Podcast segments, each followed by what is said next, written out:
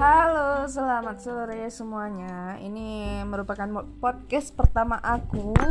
Perkenalkan, nama aku Ulan Permata Reva, namun bisa dipanggil Ulan. Aku tinggal di sebuah desa kecil yang indah di daerah Sumatera Barat.